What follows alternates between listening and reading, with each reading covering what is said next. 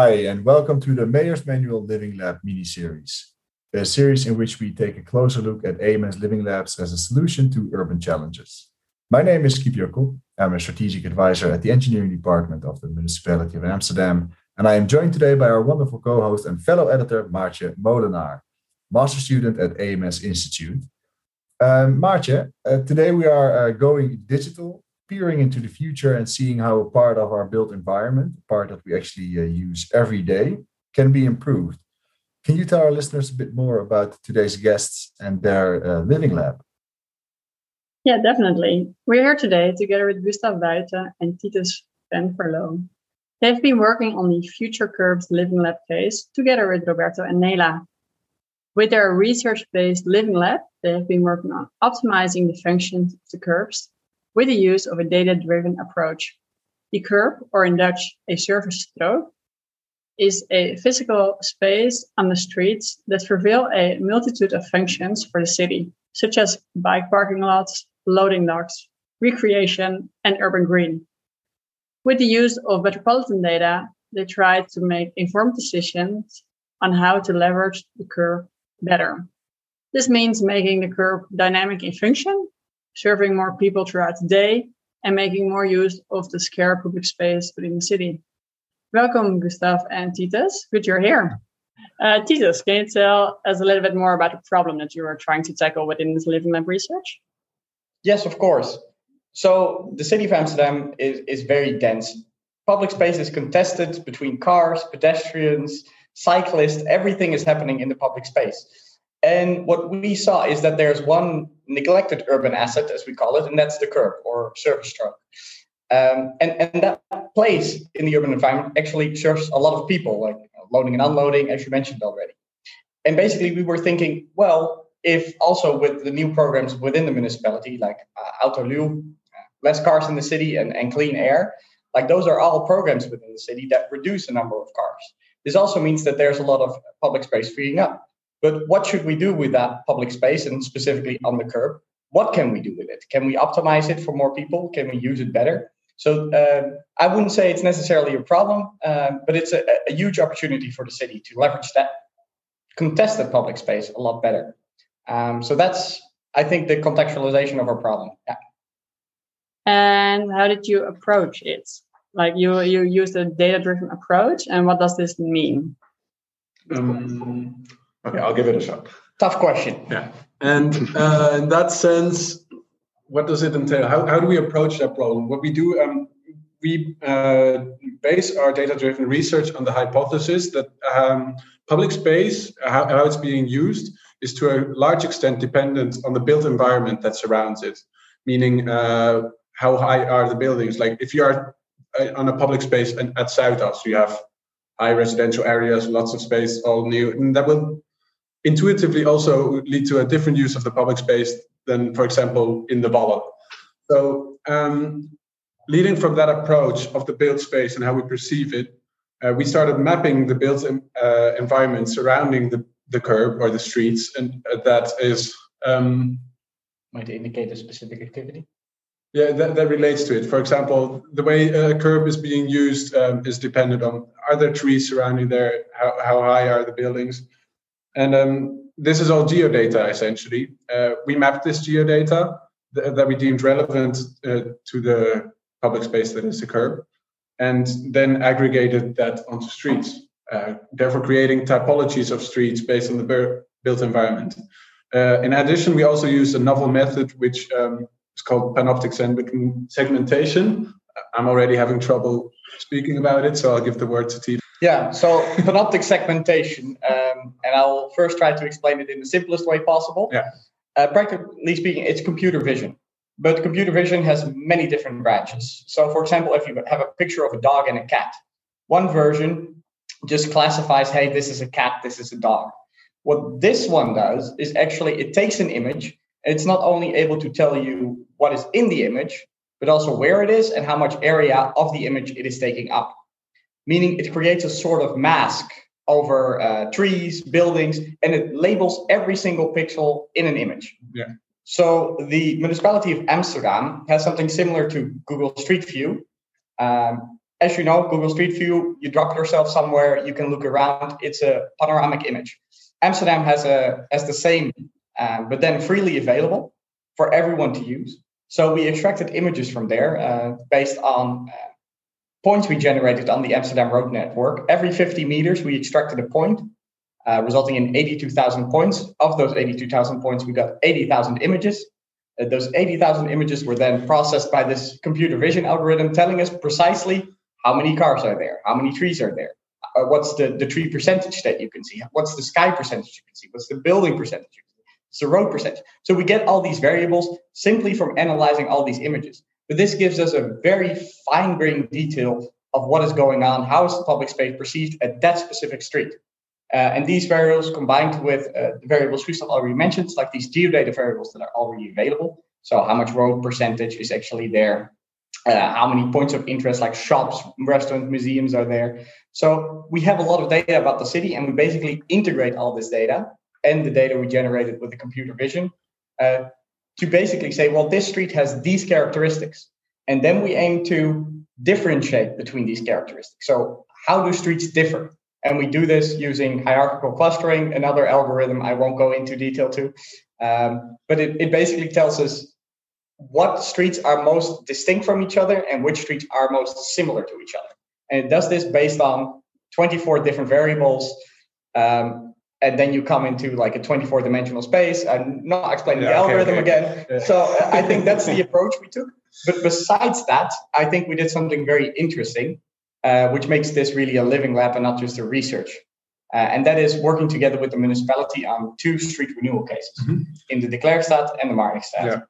Yeah. Um, could you compare what you did to a non-data-driven approach, or is there no way to do what you did? Um, yes, no, it's it's a great point. Yeah, um, I'll I'll explain that. Um, for example, we now have this algorithm classifying 20 different variables onto different sorts of streets, and therefore we get six different types of streets.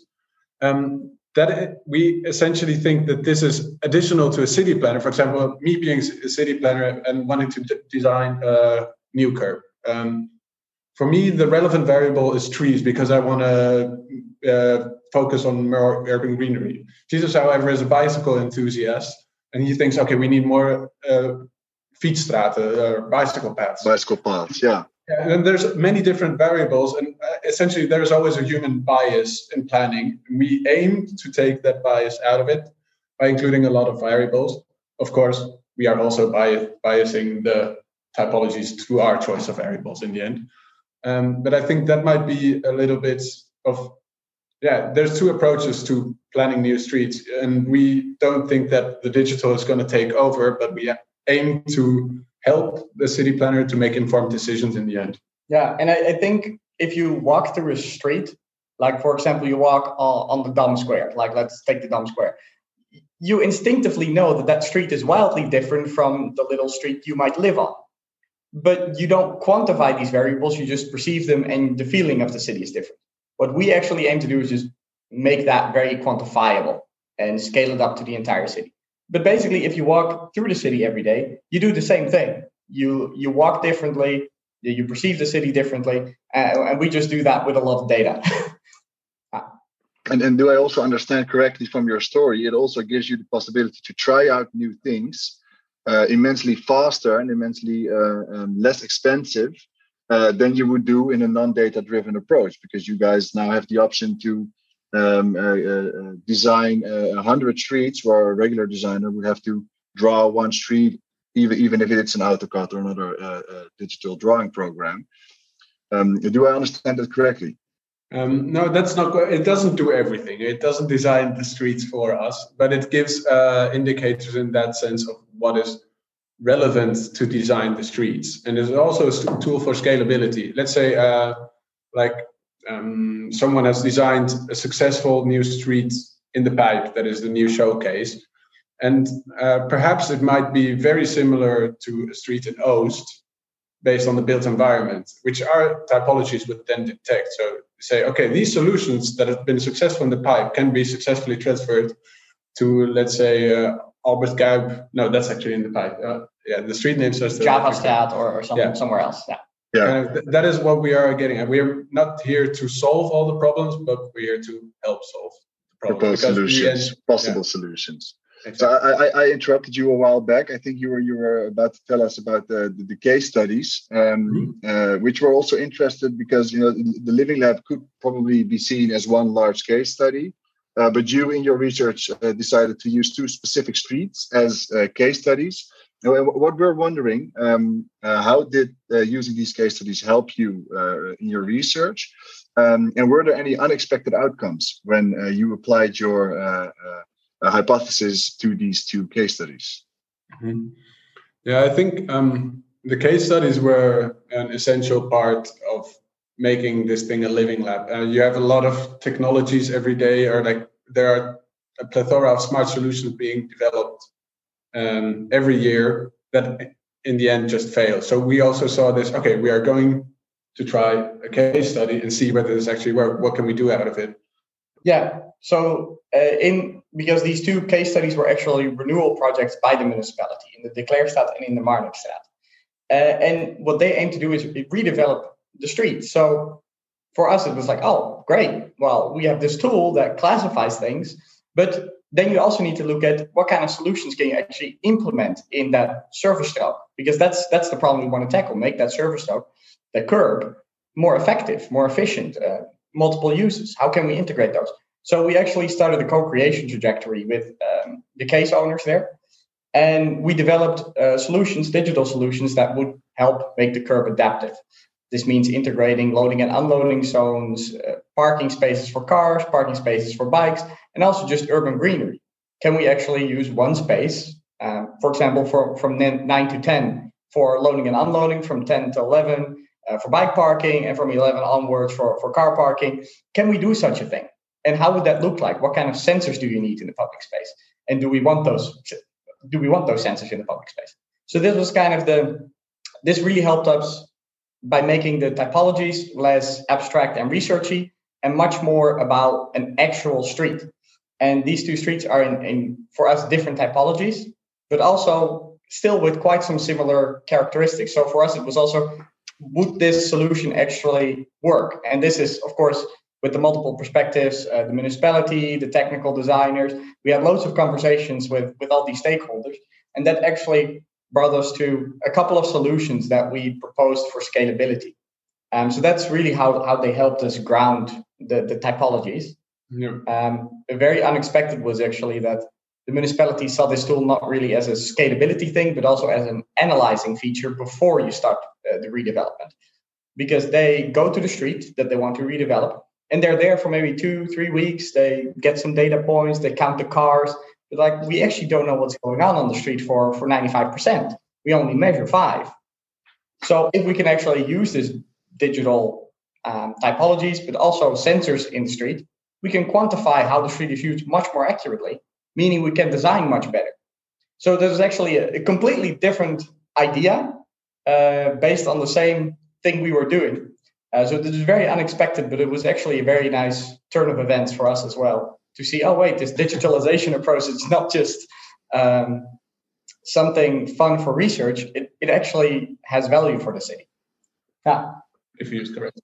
If used correctly. If, if used correctly. So, yeah, I, I, I, so compared to the ambitions the city of Amsterdam has for its digital transformation, there's a lot of uncertainty about how to realize these ambitions. But um, uh, this your proposed way of working can take away at least some uh, some of this uncertainty regarding are we measuring the right stuff and are we proposing the right solutions uh, to the problems we perceive um, and in measuring the right stuff do we are we perceiving our problems the right way um, it, it, it, then if you if you would look ahead into the future um, your proposed solution or at least your proposed way of working what role would you guys want to see it play in the in the, in the neighborhood or in the city of the future so the, the first thing is obviously Amsterdam wants to become the smart city.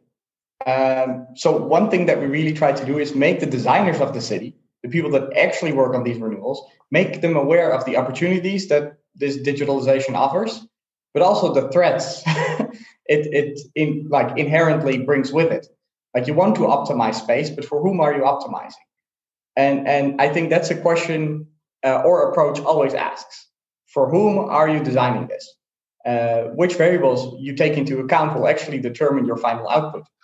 Um, so our ambition was to kind of quantify the activity in the built environment by measuring these, these spatial variables. Uh, but we cannot look into the future and, and basically the it, it gives an or what I see as role is this digitalization approach is input, but the vision should be set by people with a vision on the city, uh, what it should be, what it should look like. Useful, I think, in scaling up uh, the right solutions for, to the right places. You have something to add? No, you lost me there. Oh, damn it! I lost someone. yeah. So um, uh, mainly in your story, I hear it's it's a it's a proposed way of finding solutions. It's it's not the solution itself, but it it shines a light on uh, all different possibilities and including threats. Yeah, and it can also be seen as a showcase that exactly a technical solution per se, uh, as we created this kind of mapping of the city streets. It, yeah, it, it is always marketed as the solution, but you're only halfway there yet. You need to put it into context, and especially what I could see also of importance, especially Amsterdam being a driver of the smart city itself with its own engineer bureau and chief technical office and everything, they can start dra- um, going from the start of before developing the solution, what are we developing it for? I think that is essential because the technical solution always yeah, it can be tailor made or and, and, even be derived of a specific challenge. But formulating these challenges, of course, is extremely complex since multiple stakeholders are always involved. All right. Um, and you were talking about the different stakeholders, uh, Gustaf. Um, in what way did this whole Living Lab approach have an added value for your uh, data-driven uh, research approach, and how could other data-driven uh, challenges could also benefit mm-hmm. from this uh, Living Lab approach? Do you think? Yeah, I think um, to be honest, the Living Lab uh, was, in hindsight, extremely beneficial. Um, I, me speaking for myself, I come from a very technical background, Titus as well we have been uh, advocates of technology always being the solution uh, within the study. But I think through having it to make it living lab, actually going into this case study and actually seeing what or talking with people, co-creating, seeing what the actual problems are, um, that gives you a whole new sight onto technology, data-driven uh, insights per se. So I think even if it would only be a learning tool for uh, digital planners just to yeah i think it generates a lot of awareness i would say definitely uh, from a planning level and of course it also serves as a tool for validation whether your uh, technology is actually working uh, it can be used as a test site i think very well in that sense yeah. And and are, you guys uh, uh, um, looking forward to continuing this kind of kind of research, or are you going? Do you both want to follow a different path? We actually identified another issue that we could uh, use our um, technology for, um, because I mean, curbs, Servicestroo, it's not that sexy per se. It's not uh, like the hot topic that we are talking about every day, and and so after our presentation, someone from AMS context us. Oh, could you do this for quay walls? And suddenly, if you throw quay walls into the Amsterdam context, everyone's like, "Oh, yes, this is the big problem." So from there on, um, we actually also created a prototype of mapping the quay walls based on the surrounding built environment. Uh, especially since uh, yeah, we don't know much about the structure of the quay walls, how much space is there. Uh, every quay wall has to be analyzed very hyper locally. So we think there is a great benefit of uh, mapping the quay walls based on their built environment as well. Um, sounds like a, like like a beautiful option to to look as uh, look at as well. Quick for our listeners, a bit of context.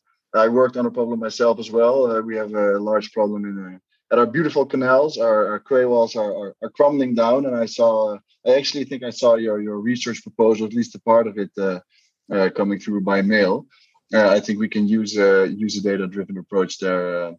yeah, very badly. I think uh, the, the problem is large enough to uh, to ha- have everybody help. Um, so, guys, uh, we have a regular question that we ask everyone uh, nearing the end of, uh, of, of our episodes. I would love to talk to you guys for uh, for a longer time. So maybe I'll see you at AMS office. we we can do a bit of a coffee and chat a bit more. Um, but yeah, so considering cities and, and mayors being the head of the city, uh, Titus, if I can start with you first, um, what do you think should be on uh, on the mayor's manual? The mayor is someone who can really influence policy uh, in in the city. So what, what I would really like to to add is is the disclaimer that digital technology should be adopted on a small scale very rapidly because it is already there. It is just not used by by the public or it's not used by the municipalities, but it is used by companies. And those companies are already collecting a lot of data about their citizens. But if the municipality fails to prototype and do living labs with these sorts of things, we will never completely understand them.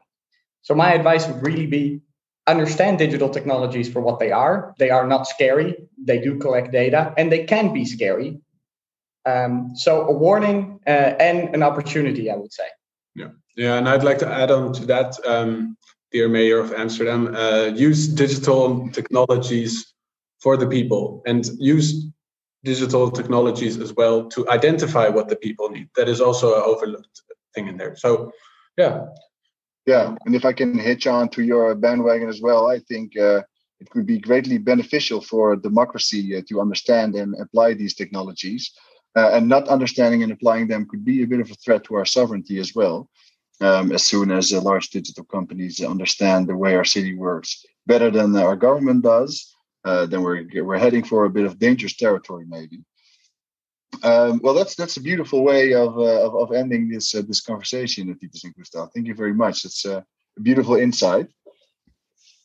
Um, I would just like to add for for our listeners uh, because I had some several questions as well uh, regarding the visualizations you guys made. Um, uh, and I wanted to say to our listeners, if you want to see these visualizations, we'll add the, the, the website you guys made uh, to the to the episode description, uh, where they can uh, see these uh, uh, nice graphs, visualizations, and all other stuff regarding your your research.